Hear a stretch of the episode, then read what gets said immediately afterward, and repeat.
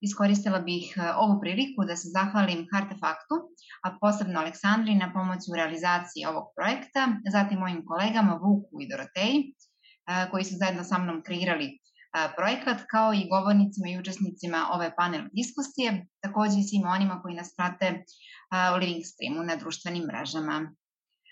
Cilj ovog projekta je da mladi na Zapadnom Balkanu bolje razumiju važnost unapređenja medijskih sloboda i da budu spremni za uočavanje kršenja medijskih sloboda.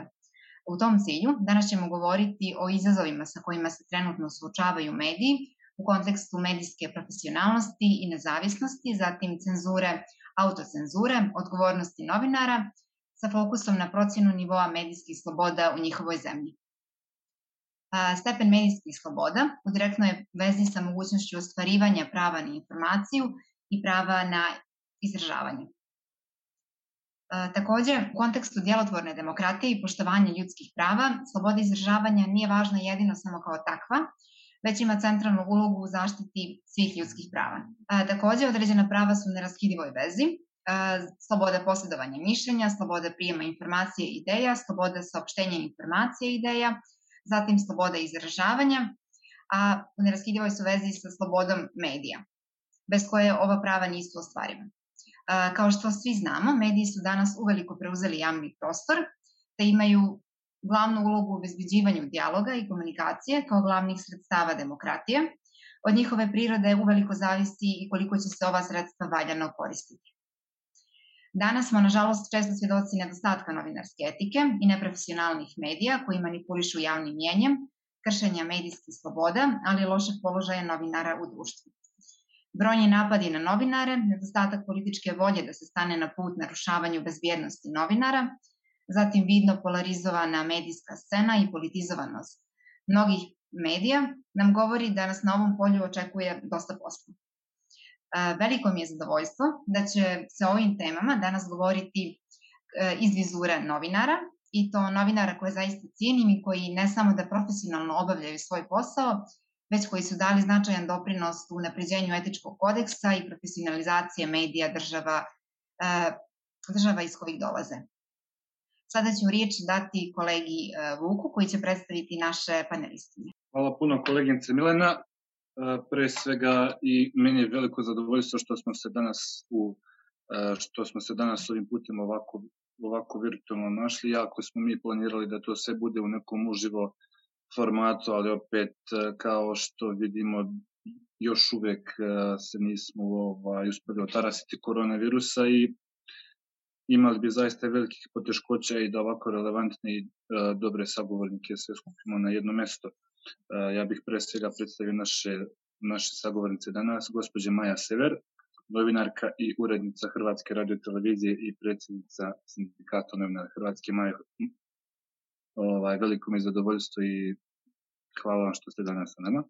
Hvala vam. U moje ime, u moje ime i, i, i u ime mojih e, koleginica. E, gospođa Mila Radulović, urednica vijesti i generalna sekretarka društva profesionalnih novinara Crne Gore, gospođa Radulović. Hvala vam što ste izvali sve vreme da budete danas sa nama. Gospođa, gospođa Marijana Camović-Veličković, predsednica sindikata medija i podpredsednica Savjeta radiotelevizije Crne Gore, gospođa Marijana. Hvala vam što ste danas sa nama. Hvala vama što ste me pozvali. I gospođa Svetlana Kojanović, programska direktorka Centra za monitoring i aktivizam. Gospođa Svetlana, i sa moje strane i u ime mojih koleginica. Hvala što ste danas sa nama.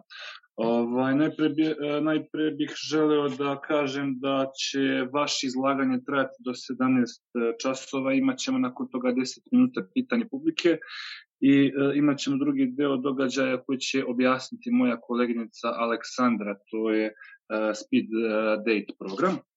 Ja bih počeo sa nekim e, opštim pitanjima koje Ovaj, prvo bih išao po, e, po ovome redu. E, naravno, za sve četiri sagovornice važi pitanje. Ja bih voleo da se po agendi redom uključite kako sam vas predstavio da dajete odgovore na ta pitanja, a onda ćemo ići na neka pojedinačna pitanja. Ovim putem istovremeno hrabrujem sve naše učesnike da u, da, da u časkanju pišu pitanja ili da se eventualno jave podizanjem ruke. Prvo pitanje se tiče glavnih izazova sa kojima se mediji suočavaju u e, cilju demokratizacije i e, profesionalizacije. Koji su po, po vama to glavni izazovi i e, da li postoje eventualni ozbiljniji slučajevi kršenja medijskih sloboda i koliko su prisutni cenzura i autocenzura u vašim državama. Majo, imate reč. E, ovako, mediji su u velikim problemima, ti problemi uh, se reflektiraju na nekoliko razina. Uh, dio tih problema vezan je uz cenzuru i autocenzuru, ali ajmo sukladno postavljenom pitanju krenimo redom, rekao bi moj kolega Ilko Činić. Jedan od velikih izazova pred kojima se nalaze mediji danas je zapravo transformacija cijelog društva i medijskog okruženja kojima ste svi vi izloženi. Mi smo svi većinom, moje kolegice su govornice na ovom panelu, odrastale, školovali se u vremenima kada su mediji bili jedno, danas su potpuno nešto drugo.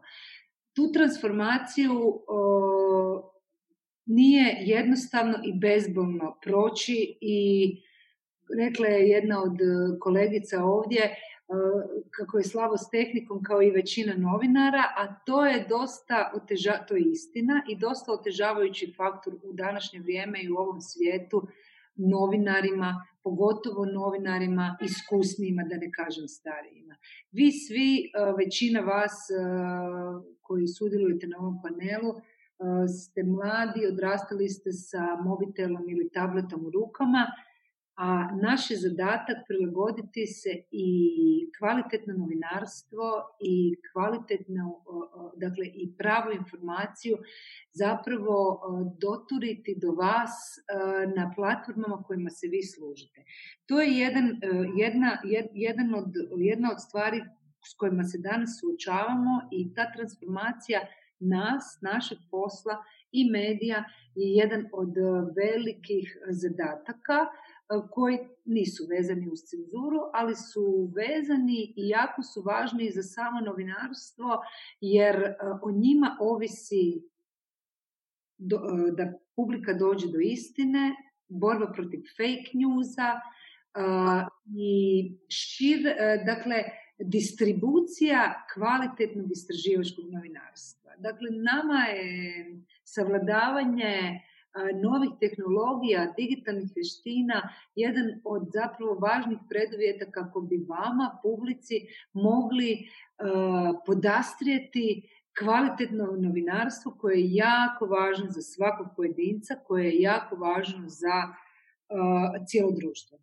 Cenzura, autocenzura, budem sad skratila da previše, previ, previše ne širim i ne budem predugačka. Jako veliki problem i u Hrvatskoj koja je zemlja Evropske unije, za koju se očekuje da poštujući nekakve evropske zakone bude u nekakvoj naprednijoj, demokratičnijoj fazi novinarstva od možda one prije 10 ili prije 20 godina u kojoj je naša zemlja bila, no nažalost to nije, nije tako. Da pače, jačaju razni oblici cenzure i pritisaka i osim onog političkog, koji političari i dalje e, i oni koji su na vlasti, takozvani autoriteti, pokušavaju raditi na ovaj ili onaj način. Reći ću samo dva načina, na primjer, ali posle možete postaviti pitanja, lokalni mediji koji su izuzetno važni, jer ih e, ljudi u manjim sredinama konzumiraju, uglavnom se financiraju od uh, jedinica lokalne samouprave. Dakle, neki gradonačelnik financira, odnosno daje novce za neki medij i normalno da onda očekuje da će taj medij pisati dobro o njemu. To je cenzura jedan na jedan, odnosno to je veliki pritisak na medije i slobodu medija i novinarstva danas. Uh, ovi nacionalni političari dakle ne lokalni, isto tako vole utjecat uh, na nekoliko načina. Osim uh, uvjetovanja gdje će ići, na koja će pitanja odgovarati, uh, veze sa javnim servisima vjerojatno vam mogu biti jasne kakve su, pošto se direktor recimo Hrvatske radio televizije bira većinom u Saboru. Pa onda znamo kome on odgovara, većini u saboru, bilo koja većina to bila. I onda još jedna zgodna stvarčica koju su se dosjetili, zove se slep tužbe, to su zapravo tužbe koje su direktni pritisak na novinare. Da a, političari ili nekakvi drugi čimbenici u našem životu, u društvu, državi, a, tuže novinari i redakcije za velike iznose, često znajući da neće ni dobiti. Ali procesi sudski toliko iscrpljuju financijski i emotivno i psihički i novinare i medije, medijske kuće u kojima rade, da je to zapravo jako, jako veliki oblik pritiska zbog kojeg će često novinari i mediji ipak na kraju pribeć autocenzuri kako im se ne bi ponovio proces slep tužbe i, i, i takve vrste pritiska. Dakle, Aha, i još jedna jako važna stvar, pritisci iz komercijalnog sektora, dakle, poduzeća, kako bih rekla, oglašivači, oprostite, zbunila sam se. Dakle, oglašivači uvjetuju ne pisanje o problemima u nekakvim velikim kompanijama ili povezanošću nekakvim korupcijskim aferama sa oglasima u mediju i svojim oglašiva, oglašivačkim potencijalom. Dakle, udaraju sa svih strana, novaca je sve manje za medijski sektor, novinari sve slabije zapravo imaju i plaće i slabije su im zaštićena radna i radnička prava i sve zajedno ide lagano dole, a to je sve zajedno jako loše za sve vas i za sve nas, jer slobodno i neovisno novinarstvo iznimno je važno za nekakvu razinu demokratičnosti i slobode svakog društva. Da, ovaj, ja sam samo htio da dodam što se tiče samog samog plaćanja, da se tako izrazim, ili što se tiče finansijskog stanja, je to isto jedan od, jedan od, jedno od tačaka gde se, gde se nažalost može ovaj, uticati na rad novinara, mi smo svedoci svega toga, budući da ja isto živim u jednoj maloj lokalnoj sredini i, i, i otprilike sam se u tim nekim vašim rečima ponašao. A, egzistencijalno ugrožen novinar ne može biti slobodan i ne može slobodno pisati. Novinari moraju imati sigurnu egzistenciju, zaštićena radnička prava i onda mogu slobodno pisati. To je to upravo što Apsolutno, apsolutno, apsolutno. Hvala vam, Majo, na E, iscrpnom pregledu situacije u Hrvatskoj, gospođo Radulović. Ja ću ovako taj... iz scene da se nadovežem na koleginicu e, Maju, e, potpuno se slažem naravno sa svim ovim što je ona iznala, pogotovo što mislim da smo tu neka ovaj, približna generacija novinara, kad smo mi počinjali novinarstvo, ono što je tada bilo novinarstvo i što je sada, to je potpuno različita stvar. Sada se, nažalost, e, novinarstvo sve više svodi na portale, na društvene mreže i to je potpuno nešto suprotno od onoga e, čega smo mi svedoci bili, ono što smo mi e, učili. Ranije, pre objavljivanja bilo kakve informacije, trebalo jako puno provera i imali smo dovoljno vremena za sve to. Sada se u brzini objavljuje sve i svašta, prave se užasne greške ali e, to je samo nešto što, što je u stvari uticalo i što sve više utiče i doprinosi tome da novinarstvo zaista e, srlja ka, ka samom dnu. Nedavne političke promene u Crnoj Gori još više su doprinele, nažalost, tome i ja uopšte nisam optimista kada je u pitanju situacija u medijima i kada je u pitanju slobodno i, i etičko novinarstvo. Mi sada više imam utisak iz svakodnevnog praćenja onoga što se dešava i praćenja medija i društvenih mreža, e, da e, u Crnoj Gori e, sve je manji problem cenzure. Mi smo već, uglavnom većina nas okrenula autocenzuri. Većina nas pokušava da praktikuje nekakvo očekivano novinarstvo. Možda je sad to previše uopšteno i previše brutalno, ali to je nekakva opšta slika. Ranije smo imali jednu vlast koja je tačno znala koji su kritički mediji, koji su oni koji su uvek na njenoj strani. Sad su se stvari malo okrenule. Sada, sada imamo jednu vlast koja se apsolutno nikako ne snalazi sa medijima, mediji su se još više podelili one, sad imamo znači medije, uglavnom su to elektronski portali, koje ili kontroliše opozicija ili kontroliše deo vlasti koji su se e, otprilike pretvorili u huškače e, kada su u pitanju sve teme e, prema svima onima koji ne misle kao oni, koji ne podržavaju ideje, koji se zalažu za nešto drugo i tu se potpuno izgubilo svako etičko novinarstvo i nažalost zaista se tome kraja, ne, kraja nema. Postoji još nekakvi pokušaj i uticaj da se praktikuje novinarstvo kako, kako propisuje etički kodeks, međutim toga je sve manje i nažalost novinari e, pod svim tim političkim teretom i e, e, prosto našli smo se u situaciji kada su naše plate takve da, da je prosto sramota reći kolike su one od uredničkih pa do novinarskih. Naravno od medija do medija se ta situacija razlikuje, ali go, govorimo o globalnoj situaciji. Novinarske plate, plate pojedinih novinara svode se maltene na, plane, na plate konobara ili na plate šalterskih radnika. U, u situaciji kada je s jedne strane ogroman politički pritisak, kada su zarade tako niske, novinari prosto i, i urednici dižu ruke i ulaze u nekakvu maticu i prosto plove njome. Tako da, da ovaj, govoriti o nekakvom direktnom političkom pritisku čini mi se da je, da je malo suvišno kada je u pitanju Crna Gora, jer smo mi prosto ušli u nekakvo poželjno novinarstvo kada svi znamo u kom pravcu idemo i, ka, i, i prosto se ne vidi kraj tome. Veliki problem u, u svemu tome, to je sad opet neka druga tema, ali je direktno povezana s ovim, je e, nedostatak samoregulacije, što, što mi u, u svim tim medijskim, medijskim slobodama, mislim pod navodnicama, u, u jednoj fluidnoj atmosferi, mislimo da nam je sve dozvoljeno, da možemo da kritikujemo koga hoćemo, da pišemo šta hoćemo, da se obračunamo sa kim god hoćemo, a sa druge strane apsolutno nikakvu odgovornost nemamo za sve to.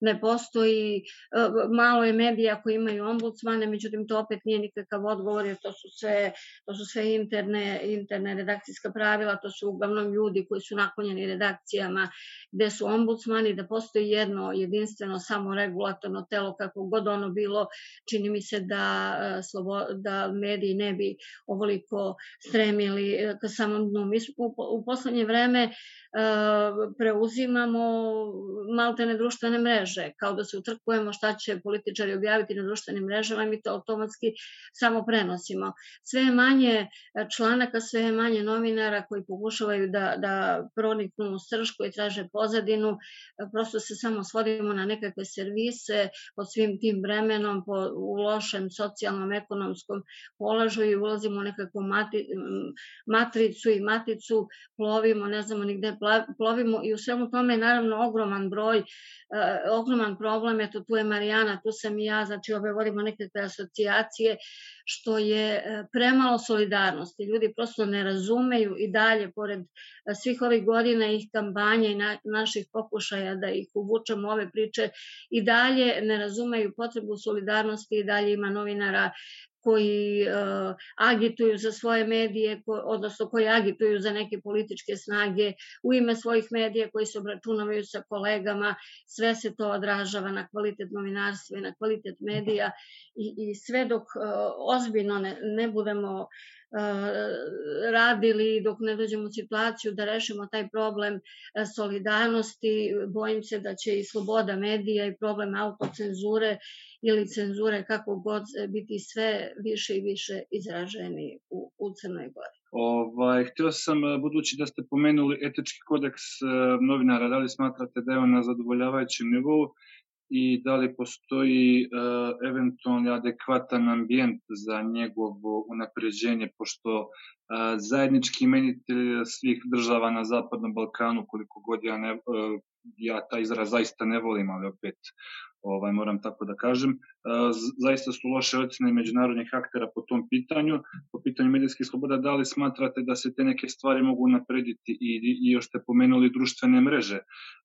Crna Gora je specifična budući da je skoro izašla iz izbornog ciklusa. Da li smatrate da je otvaranje javnog dijaloga unapredilo slobodu izražavanja ili ima, ili ima nekih negativnih stvari više nego pozitivnih? Sloboda izražavanja se, nažalost, sve više kod nas pretvara u sejanje mržnje. i, i kao da se kraj tome ne vidi. Bojim se da nije problem u etičkom kodeksu, problem je u tome što se on ne primenjuje. E, etički kodeks je naravno podložan doradi i bilo je govora o tome, pa su ga možda treba unaprediti e, i ovaj, e, prilagoditi aktualnom trenutku, jer on je rađen pre nekoliko godina kada društvene mreže nisu bila ovoliko uticajne i kada su portali bili možda tek, tek su u stvari nicali. Sada su oni u stvari suština novinarstva u Crnoj Gori i, i ovaj, sama promena etičkog kodeksa nažalost ništa ne bi promenila sve dok mediji ne budu pristali e, da, da se da ozbiljno shvate problem samoregulacije, međutim i i, i tu je i tu je postoji jedna stvar da ja imam utisak da prosto medijima ovako stanje odgovara. E, uvođenje bilo kakvog reda ne odgovara ni vlasnicima, ni e, javnim funkcionerima, političarima, nosiocima vlasti. Oni odlično plivaju u svemu ovome, e, protežirajući svoje interese i, i sve, sve manje vode računa o interesu javnosti. Tako da to što piše, evo, zakon o medijima je nedavno promenjen, ponovo se radi na tome da se menja. Zakoni nisu toliko loši, etički kodeks nije toliko loš, problem je u stvari e, u samom novinarstvu i u samim novinarima koji e, prosto ne, ne osjećaju potrebu da sve to primenjuju. Hvala vam puno. Majo, hteo sam sa vama ovaj, opšto pitanja. E, isto pitanje kao za gospođu Radulović, e, da li smatrate da je etički kodeks na zadovoljavajućem nivou i budući da je Hrvatska jedina od e, uz za Sloveniju, naravno, to što nemamo sagovornike Slovenije jedina u Evropskoj uniji, koliko smatrate da e, se kodeks može naprediti i koliko društvene mreže generalno utiču na neki javni dijalog i na napređenje neke slobode izražavanja? Krenut ću od etičkog kodeksa. Vrlo važna tema i vrlo zapravo problematična tema. U Hrvatskoj zapravo ne postoji neko tijelo na državnoj razini koje bi funkcioniralo kao neovisno vijeće za medije i koje bi zapravo reguliralo neke stvari u medijskom sektoru i novinarstvu. Jedino što postoji i vrlo dobro funkcionira i je vijeće časti HND, Hrvatskog novinarskog društva. To su moji kolege. To je vijeće sastavljeno od naših kolega novinara i oni vrlo profesionalno rade i analiziraju prijavljene slučajeve u medijskom sektoru u skladu sa našim kodeksom časti hrvatskih novinara. I to je zapravo jedna točka gdje se neke stvari u medijskom sektoru reguliraju. Postoji agencija za elektroničke medije, unutarnje vijeće za elektroničke medije, ali uvijek morate znati da je sastav tijela, sastav članova tog tijela uvijek izabran većinom u parlamentu. I to je problem neovisnosti a, takvih tijela. Imate recimo programsko vijeće HRT-a koje bi trebalo nadzirati a, a, programski rad javnog servisa, u kojem je opet uvijek većina izabrana većinom u parlamentu. Dakle, to je jedan bug koji nekako treba promijeniti. Sve je važniji zbog toga što je upravo, sad ću preći na društvene mreže, sve su stvari puno dostupnije, sve stvari, neke druge, neke druge politike vode uređivačku politiku, i vi to najbolje znate. Nije to više da će ići na nastavnicu ili na nastavnicu portala neki zaista pravi kvalitetni istraživački tekst, prije će ići nešto što će biti klikanije. Jer je to jedan začarani krug iz kojega mi, novinari, zapravo ne znamo kako da izađemo i izborimo se za kvalitetno novinarstvo. Jer kada si na tržištu, teško braniš neovisnost a, šta želim reći? Uvijek su klikani tekstovi sa, da mi oprostite, potkama ovakvim ili onakvim, naslovima koji su, ako mogu slobodno reći, ponekad priglupi, nego neka ozbiljna analiza, ozbiljan tekst, ozbiljne reportaže. I sad to začarani krug, a ti moraš preživjeti na tržištu. Regulatora nema, regulatori nisu neovisni i to je odgovor na, Vuk, tvoje zadnje pitanje, e, uloga društvenih mreža. E, isto tako ne nosimo se jako dobro s time.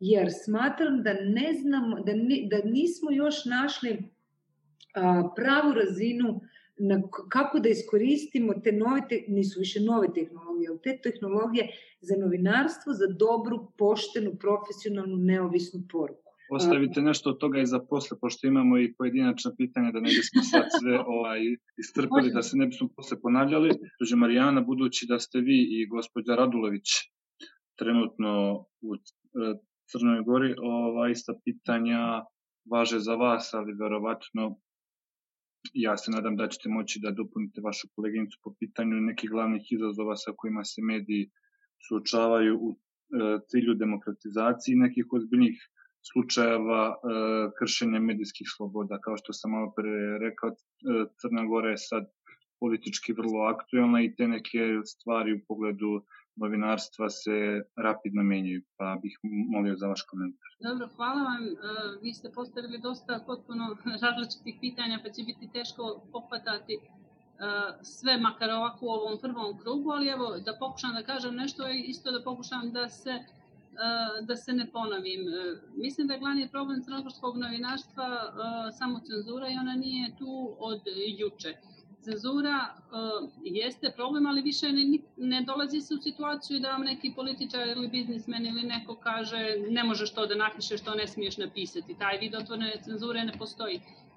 Ali postoji samo cenzura zbog pritiska koji se dešavaju u redakcijama i tu prije svega mislim na privatne medije. Javni servis ima neki drugi problem, to je konstantan politički uticaj uh, na, na njega lokalni javni emiteri, isto kao što je Maja rekla, znači isto kao i u Hrvatskoj, njih finansiraju opštine, oni su pod nesumnjivim uticajem lokalnih zajednica, a privatni mediji koji su u Crnoj Gori, mainstream mediji koji su najuticajniji, koji su negdje neko sjeme demokratije vazda bili, oni zapravo imaju u tim medijima i najgori odnos prema, prema zaposlenima. I kada je u pitanju ta samo cenzura, novinari novinarki u privatnim medijima u Crnoj Gori su najistrenirani da znaju šta može da prođe, šta ne može da prođe i u skladu sa tim se i ponašaju. To, to je nešto što pokazuju sva neka ozbiljnija, da kažem, detaljnija ciljana istraživanja, to je pokazalo i prije nekoliko godina i nakon toga više to niko nije mogao demantovati, jedno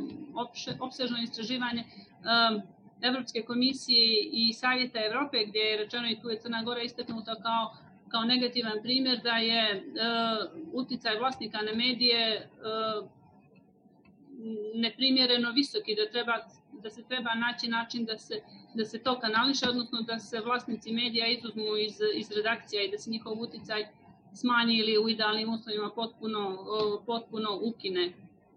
Problem je što vlasnici crnogorskih medija imaju svoje političke agende i iza toga stoji na taj način kreiraju medije. Oni se predstavljaju kao nezavisni, kao da nema uticaja politike, međutim sasvim je, sasvim je to drugačije, to se vidi kad se čitaju ti mediji, a najbolje se vidi kad se radi u tim medijima, pa se zna ko su poželjni sagovornici, zna se ko ne može nikada da, da, da da izjavu, ma koliko ona relevantna bila, ako se kosi sa nečim što su vlasnici zacrtali kao što oni to zovu uređivačka politika, to zapravo nije, nije uređivačka politika, nego sasvim neko, neka druga vrsta uh, štelovanja.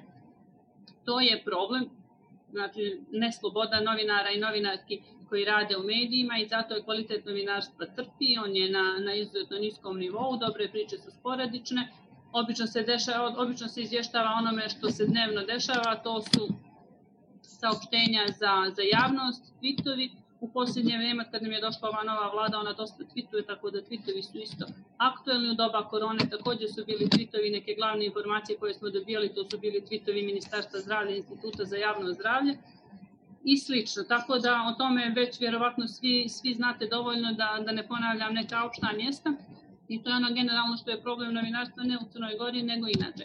Ono što je specifično za Crnu Goru kada je, od kada nam je došla ova nova vlada i e, prethodna, znači negdje se poklapa sa, sa e, proljećem prošle godine, odnosno pojavom korone, to su gotovo mjesečni konkursi gdje e, vlada, znači i ova i prethodna, gdje raspisuju gotovo na mjesečnom nivou konkursi i gdje država opredjeljuje da tako kažem gomilu, da se kolokvijalno izrazim novca za uh, mahom privatne medije, kroz, daju im znači kroz to konkursno oglašavanje gde oni prijavljaju neke projekte, daju im izuzetno visoke, velike novce, daju im raznorazne povlastice po raznim, raznim osnovama i zapravo ozakonjuju državnu pomoć, nešto što bi jedno privredno društvo po crnogorskim zakonima moglo da dobije jednom u 10 godina, crnogorski mediji dobijaju gotovo na mjesečnom nivou. To se dešavalo i prethodnih godina, ne u ovom obimu, i to je klasična pacifizacija sad, kažem, na mjesečnom nivou, a ranije na godišnjem, oslobađaju ih određenih dačbina, oslobađaju ih potpuno nezakonito, znači legalizuju državnu pomoć koja ne može tako lako da se daje, ali to mediji, pošto svi dobijaju, ne problematizuju, nevladine organizacije koje su inače izuzetno glasne u Crnoj Gori to ne problematizuju, jer bi na taj način izgubili podršku medija u kojima se gotovo dnevno oglašavaju po raznoraznim osnovama, tako da to svi se pravimo da se ne dešava. To je način na koji crnogorski mediji privatni funkcionišu unazad godinu i po. Pritom, pritisak na novinare da će biti otpušteni se ne smanjuje, pritisak na ostale zaposlene se ne smanjuje, taj strah od otkaza je stalno tu, plate su niske, nisu povećavane i mi u sindikatu medija redovno postavljamo pitanje e, gdje su pare, gdje, za šta se daju, na koji način se jačaju, zašto se održavaju ti mediji, ko profitira od svog tog silnog novca koji se daje crnogorskim medijima, jer on prolazi jednostavno mimo poslednjih u crnogorskim medijima, tako da mi postavljamo pitanje gdje ide ta pomoć i kome se zapravo pomaže. To je nešto o čemu nećete čuti da se često govori i ja ne znam da iko osim sindikata medija o o tome priča u Crnoj Gori, ali to je nešto što je milionski problem. Ovaj, neke zajedničke stvari su da od lokalnog pa do nacionalnog nivoa otprilike postoje neki favoriti koji kao što ste sad rekli u ovaj, Crnoj Gori da je od jedno veliki broj konkursa za medije da se odjednom te neke stvari dešavaju koje se ranije nisu dešavale ovaj, tako da možemo da nađemo neki zajednički moment i za, i za Hrvatsku i za, uh, i za Crnu Goru barem, barem po tom pitanju. Ovaj, hvala vam puno gospođe Marijana, gospođe Svetlana. Uh, molio bih vas za vaš stav po, po pitanju etičkog kodeksa novinara, budući da kada sam vas lično zvao da danas budete naš gost, baš smo proveli dosta vremena razgovarajući o tome te kako vi vidite situaciju po tome u, u Republici Srbiji. Kada je u pitanju etički kodeks. Da. A, ako vi meni dozvolite, ja bih prvo dva, tri minuta a, e, rekla nešto o tome ko su uopšte novinari trenutno. Naravno, naravno. A, koleginice su ovaj, pomenule da je to novinarstvo koje smo nekada mi poznavali i ono koje sada prosto nisu za poređenje. A, a, koleginici ovi mladi neće znati, ali a, a, moje koleginice će sasvim znati o čemu govorim. Ja sam sticajem okolnosti prva generacija iz one šuvarice iz bivše Jugoslavije koja je imala priliku da u 16. godini upiše novinarski smer u gimnaziji i kao klasičan štreber mogla sam šta god sam htela. Ja sam upisala novinarski smer i dalje nastavila da studiram to zato što sam imala čak i u tadašnjoj Jugoslaviji jednopartijskoj sa strogo kontrolisanim medijima fenomenalne uzore u ovom poslu. Dakle, to su ljudi iz kojih je sjalo e, obrazovanje, znanje, način na koji govore, način na koji nas uče jeziku, o bilo kom jeziku da je reč. Da ste vi prosto negde želeli da jed, kao mlad čovek da jednoga dana budete kao oni. E, sada smo došli u situaciju da ljudi koji se bave ovim poslom ništa od toga nemaju i došli smo u situaciju da imamo jedan nekakve medije koje i u programskom smislu ja ne mogu da definišem ovaj, kakvi su mediji, da li su to komercijalni, informativni, edukativni ili šta već. Ja u Srbiji iskreno rečeno nisam videla intervju ozbiljan, odnosno novinara koji postavlja ozbiljna pitanja bilo kom sagovorniku pa duži vremenski period. S druge strane, posle recimo pada Miloševićevog režima u Srbiji, čak ja kao tada urednik jedne regionalne televizije nisam imala nikakav problem da dobijem intervju od predsednika države, premijera, svih ministara, bez ikakvog problema. ja sada ne vidim da a, takva vrsta razgovora između novinara, bilo kog političara ili javne ličnosti koja posebno je negde na mestu gde se odluke donose, ne postoji. Dakle, u Srbiji je jasno podeljeno sve na provladine medije i takozvane nezavisne medije, kojih na prste jedne ili ajde da kažem dve ruke možete nabrojati. Šta je ono što mene lično brine pre poštovanja kodeksa koji je jako važan, naravno i o tome mogu da govorim, jeste ono što, a još više me sada zabrinulo posle izlaganja mojih koleginica, e, što sam ja na prvo mesto stavila bezbednost novinara i negde imam utisak da onoliko koliko pratim medijsku scenu na Balkanu, da je to u Srbiji trenutno najveći problem. Da ne pričam na pamet ili da to nije neki moj subjektivni ovaj utisak, reći ću vam da je u 2020. godini prema podacima NUNSA 72 novinara je bilo na meti različitih napada. Ono što posebno zabrinjava jeste da su među njima bili visoki javni funkcioneri, političari i policija. Da vas ne podsjećam na pre neki dan obeleženu godišnicu julskih protesta. Dakle, e, e, urušavanje e, profesije poslednjih godina je ono što lično meni najviše smeta i gde ponekad pomislim da za ovaj posao neće biti nade duži period. I druga stvar, da onaj mali broj ljudi koji ostaje na liniji profesionalnog, odgovornog rada uz poštovanje, došli smo do toga, svih etičkih principa, svakodnevno biva ugrožen, svakodnevno im je bezbednost ugrožena, a o primerima bih mogla da vam pričam do kraja ovog panela. E, etički kodeks je nešto što prema istraživanjima koja često su ovaj, dostupna i rade ih pre svega nevladine organizacije, nešto što se krši u hiljadama slučajeva. I da bi recimo malo, ajde da kažemo, smanjili to, onda su se dosetili da bi na tim medijskim konkursima za sufinansiranje medijskih sadržaja trebalo uzeti u obzir koliko je ko poštovao etički kodeks.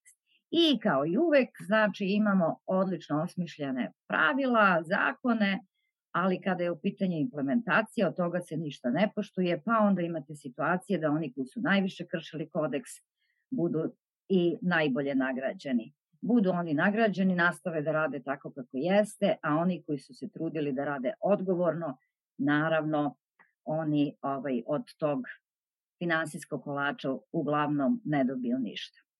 Ja lično mislim da je Savez za štampu u Srbiji uložio ogroman napor da se a, poštuju ovaj etički principi i etički kodeks novinara, ali da a, podrška drugih organa koji to treba da da ovaj, zapravo da budu logistika u celom tom procesu je potpuno zatajila i zato i jeste situacija takva kakva jeste, posebno mislim na tabloid. Evo, hvala, gospođa Svetlana. Sad bi krenuli zapravo s pojedinačnim pitanjima, pa prvo bi išlo a, za gospođu Milu, a, tako da malo ćemo sad se vratiti na a, Crnu Goru. Koliko biste rekli da politička previranja imaju utjecaj na rad medija u Crnoj Gori i da li je polarizacija političke scene stvorila polarizirane medije, te kako u tom kontekstu govoriti o medijskim slobodama? E, znači, nakon izbora situacija se samo pogoršala. Mediji su godinama polarizovani i sama ta činjenica doprinala je tome da nema jedinstvene samoregulacije. Međutim, nakon promene vlasti stanje se pogoršalo. Političari su prosto uh, umesto da vrše pritisak na medije, oni su krenuli da formiraju medije i da preuzimaju medije.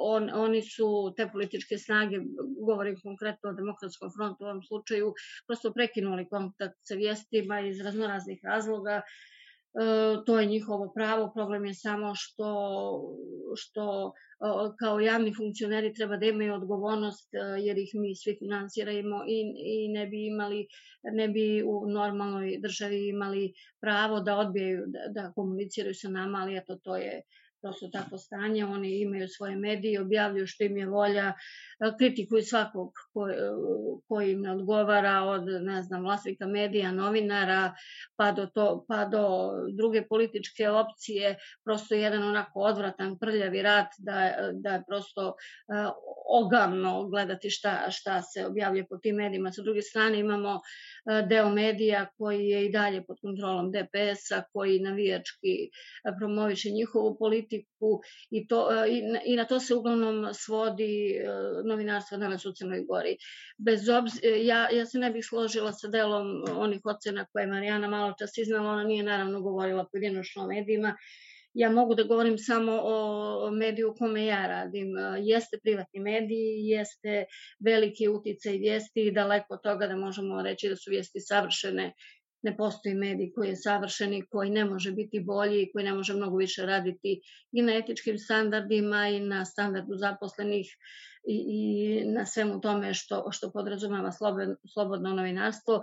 E, političkog pritiska na nas nema. Znači, meni se nije desilo da me neko pozvao i da mi kaže, bez obzira što vi, vi verovatno upućeni u to, što postoje priče, političke opcije, zašta je prva familija, druga familija, koju politiku podržava, koju politiku promoviše.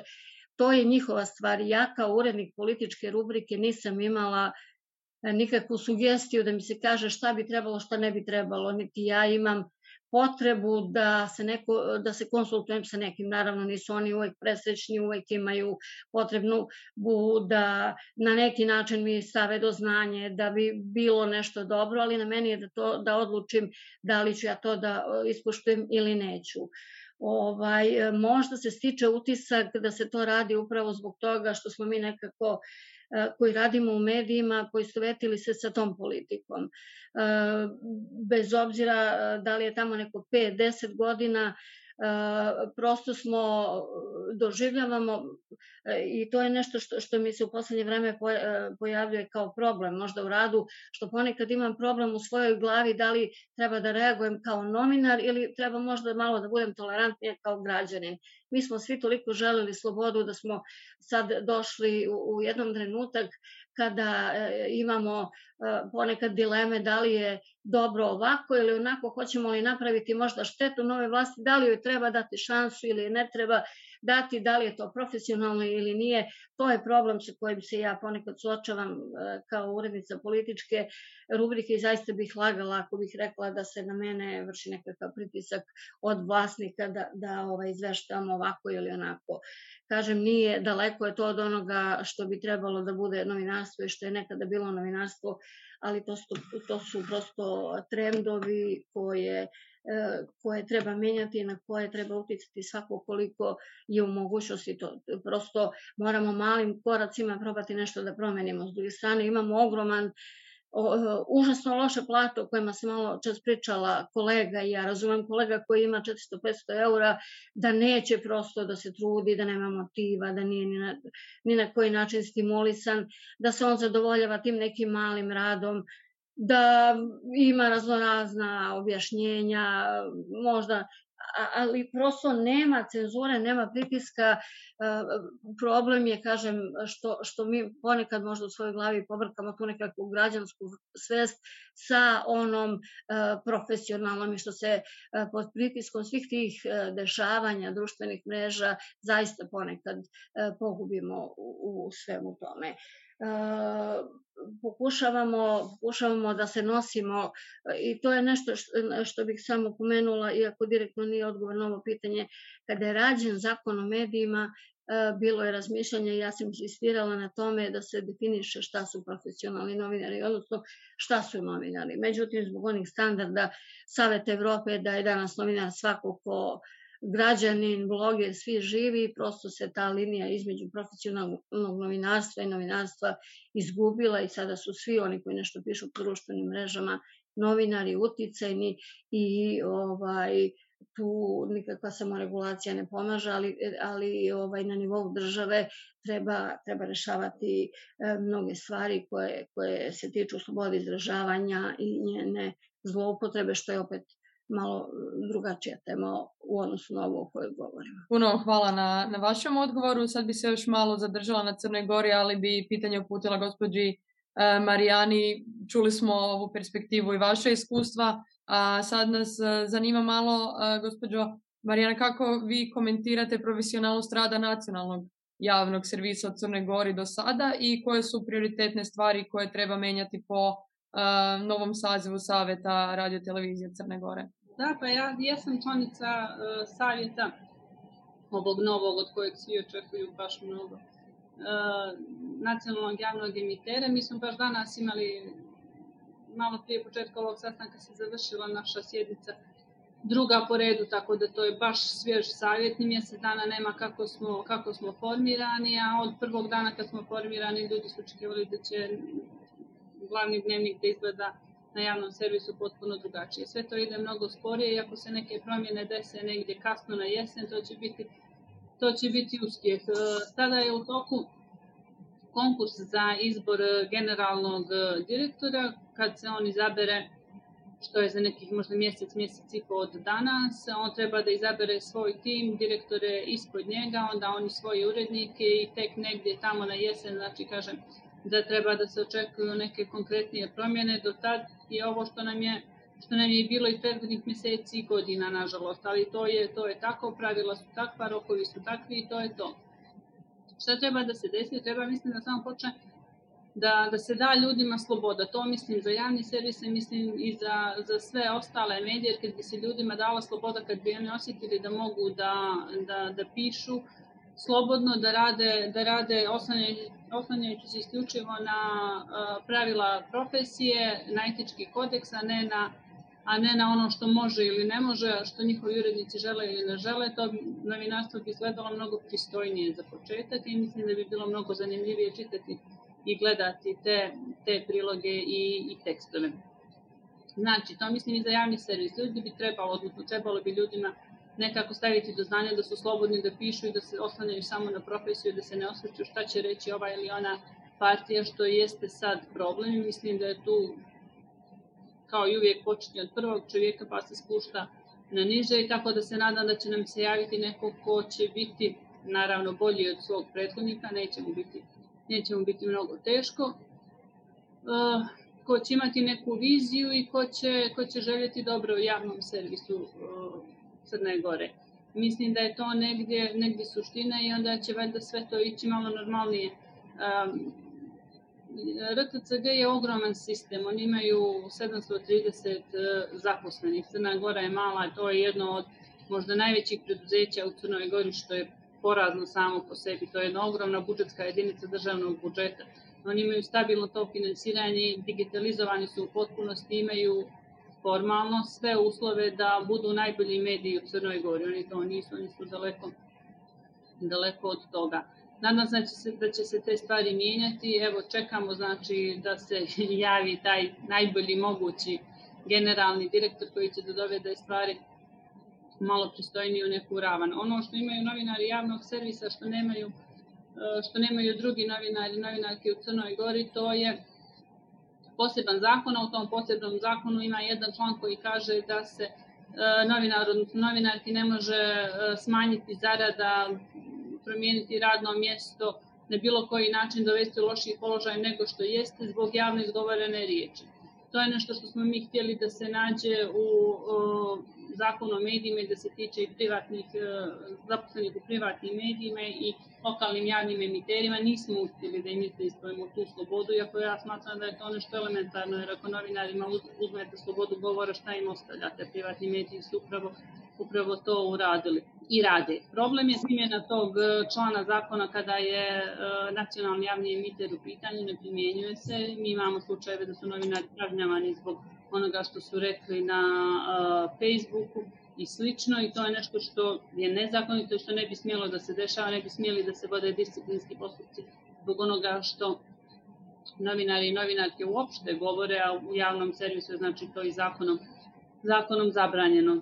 Samo kad bi se malo više primjenjivao i zakon o medijima i zakon o nacionalnom javnom emiteru, etički kodeks naravno, situacija bi bila situacija bi bila mnogo bolja, ali neko treba da pošalje poruku da je to dozvoljeno i da neće niko biti kažnjen zbog toga i neko bi morao taj led konačno da probije, jer vi ćete rijetko kad u Crnoj Gori čuti da novina komentariše nešto bilo koju, koje društveno dešavanje. To je najčešće uzimanje izjava, preskonferencija, slične neke stvari koje su dosta benigne, malo ima pravog novinarstva, malo ima nekih kompleksnih formi, niko neće se upušta u to, zato što bi morao da ga radi na dirigovan način, tako da to onda je bolje ići onako kako te voda nosi, nego se, nego se truditi oko nečega što je, što je uzaludan posao. Tako je u svim medijima, pa i javni servis nije naravno bolji od toga. Kažem, on je bio pod, pod apsolutnim uticajem i sad je pod apsolutnim uticajem prethodne uh, vlasti. I evo, nadamo se da će se to promijeniti i mi u savjetu čekamo rokove kao i cijela javnost što čeka, samo što mi imamo dodatan taj pritisak i znamo da, da svi misle da od nas zavisi da bi to moglo mnogo brže da ide, a zapravo ne bi. A budući da ste, da ste pomenuli vlast i da ste pomenuli javni servis, gospođo Svetlana, a, jedno pitanje na koje biste vi mogli da odgovorite je da je u toku dijalog između vlasti i opozicije u Republici Srbiji potpomognut od strane Evropskog parlamenta. Vaš, vaš, vaš osmeh verovatno govori mnogo toga. Da li očekujete veću zastupljenost opozicije na javnim servisima, budući da to bilo jedno od glavnih pitanja i da li smatrate da se stanje po tom pitanju na neki način može popraviti? Da budem iskrena, kad bih verovala ovaj, da se stanje može popraviti, ja bih izašla na sledeće izbore na koje inače ne izlazim.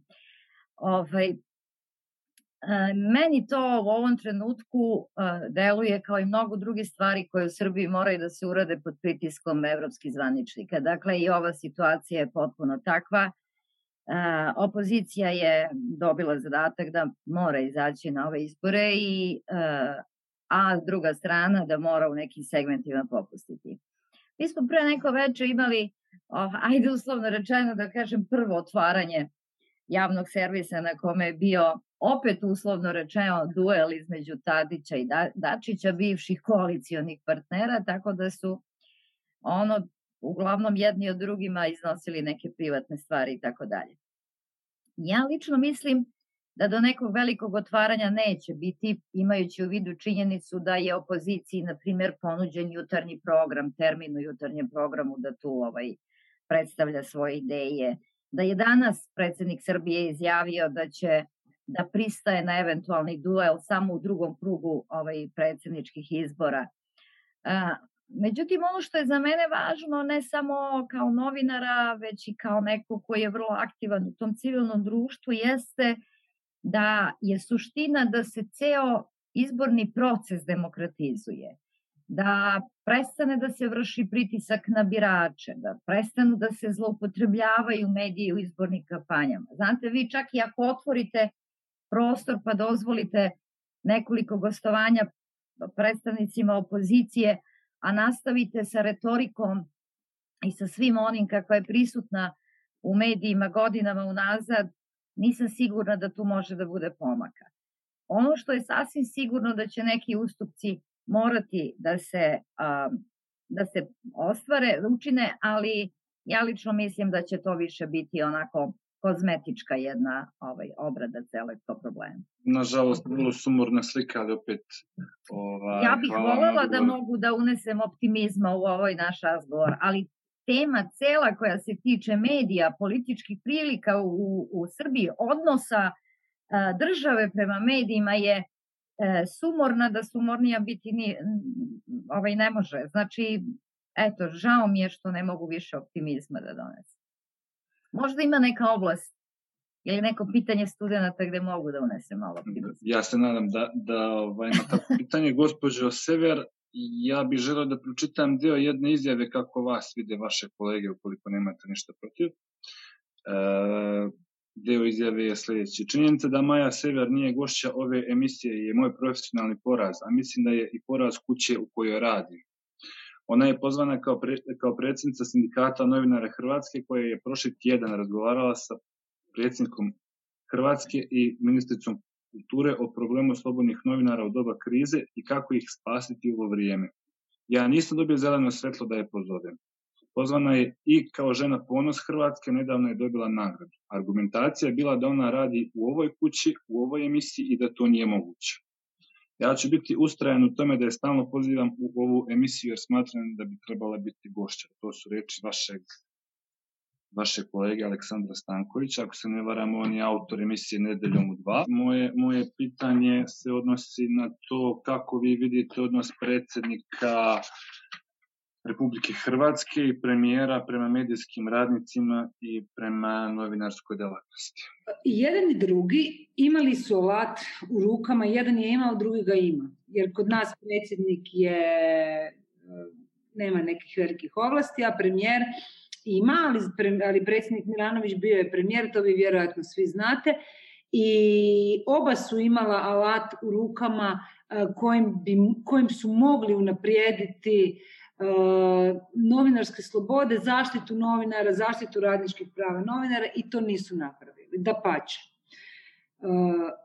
Odnos politike prema medijima u Hrvatskoj je na deklarativne fazi u izjavama kao mi podržavamo neovisne medije, mi smo evropska zemlja, mi poštujemo sve zakone, to u stvarnosti nije tako. Ako me postavljate pitanje dakle o odnosu političkih struktura koje bi mogli neke stvari urediti, a iščitavam da je to to pitanje, puno toga se može urediti. Mi nemamo medijsku strategiju, mi, nemamo, mi imamo zakon o medijima star 20 godina, dakle, vjerojatno stariji od uh, većine sugovornika ovdje, a skoro i od Marka Zuckerberga. A u međuvremenu se, zahvaljujući upravo spomenutom Marku, medijsko okruženje potpuno promijenilo, a kažem, mi imamo zakon star 20 godina. Mi imamo zakon o HRT-u koji propisuje da ravnatelja i upravu javnog servisa bira isključivo politička većina i nad njim nema de facto nikakvog nadzora.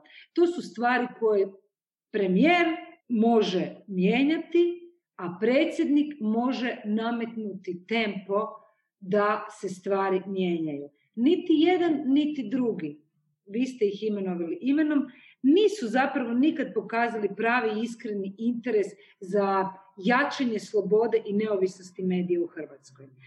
Novinari i novinarke ne traže pomoć od političara. Mi tražimo da se osiguraju uvjeti da mi radimo slobodno. A ne da se a, otežava i na toj razini a da ne govorimo o ovome o čemu sam prije, prije govorila, a to je ta cenzura, ko, ne cenzura, nego pritisci, ajmo reći pritisci koji oni i dalje redovito rade. A mogu ja još puno toga, ali čisto možda ima dosta drugih pitanja, pa ovaj, a uskoro ću morati otići, ili će me zaključati inače ovdje. pa eto. da se nadovežem na vas, uh, pošto smo među vremenu dobili ovde u četu dosta nekih pitanja, uh, a verujem da ste uh, se četiri zauzete. Naravno, pozivam vas da ko može da ostane kasnije na drugom delu događaja. Ovaj, ali ajde da vidimo koje su pitanja stigla, ima ih dosta, ja ću Fatmi da se izvinim odmah, pošto ona jedno 5-6 pitanja poslala, ovaj, nećemo moći prosto sve da pročitamo, ali hajde ovako. E, bilo je prvo pitanje za sve, pa ko želi da odgovori, e, šta očekujete od novinarstva, medija, od same situacije sa njima u budućnosti u narednih, na primjer, 10 godina? Evo ja mogu kratko, e, pogotovo zato što mislim da ću me tu izbaciti odavde, cure moraju pet doma, ja nemam ključ ja, ja sam zapravo optimistična. Koliko god nam je situacija teška, udarce primamo stvarno svakodnevno, ne vidim da postoji neka ideja ili vizija, ali ja, i to je bilo pitanje u četu, ja mislim da je novinarstvo jedan sjajan posao, da je jedan izuzetno važan posao, to je jedan poziv. Mi novinari zaista možemo svijet i društvo promijeniti na bolje, I ja sam fakat ono, jedan optimistič, jedna optimistična idealistica i mislim da ćemo se jako, jako gadno boriti, ali da sve to ima nekakvog smisla. Jer uvijek, uvijek je nekakva mala zadnja pobjeda na našoj strani, jer uvijek neko od naših kolega objavi neki tekst koji je dugo istraživao, koji rasturi neku korupciju, koji rasturi nešto i time stvarno ovo društvo učini malo boljim, tako da sam ja optimist. I budi, budite novinari. Ja ću kratko samo, nažalost, ja sam pesimista jer uh, vidim da većina mladih novinara bez uh, uvrede ikakve uh, nema, zaboravila sam kako se zove koleginica iz Centra za monitoring, nema ono što smo mi nekada imali, nema uzore koji su sijali, koji su nas u stvari inspirisali da se bavimo novinarstvom. Oni su sada više okrenuti, kad krenu da se bave novinarstvom, to rade zato što ne znaju šta će drugo ili što očekuju da će dobiti neki profitabilni posao i ugledni posao preko ovoga. Tako da nadam se da grešim, ali to je ono što ja sada vidim. Hvala Mila na odgovoru. E, ajde ovako, ja ću zamoliti Svetlanu, pitanje je bilo za nju. Da li mislite da je istraživačko novinarstvo u Srbiji najsvetliji primer profesije i da bi slobodni novinari, kojih je sve manje, trebali zajedno istaći njihov rad i da li bi se tako stanje moglo popraviti u toj zemlji? Odlično pitanje, bravo. To je pravi budući ovaj, novinar, mada je imao i konstatacije deo u pitanju, ovaj, zaista ja mislim isto i mislim i, i ne mogu da ovo priliku ne pomenem moje kolege iz eh, Krika, Birna, Cinsa, Insajdera, koji zaista rade fenomenalan posao i uh, upravo ovo što je koleginica Maja rekla,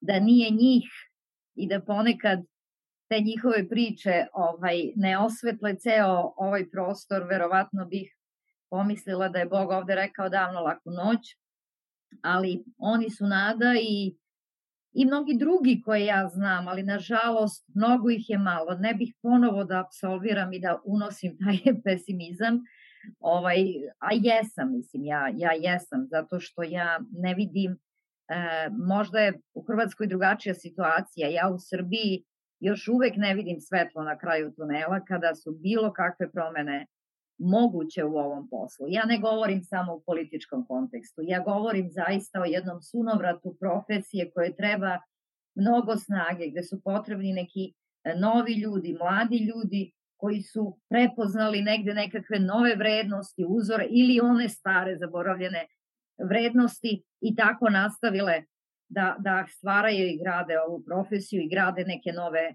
medije.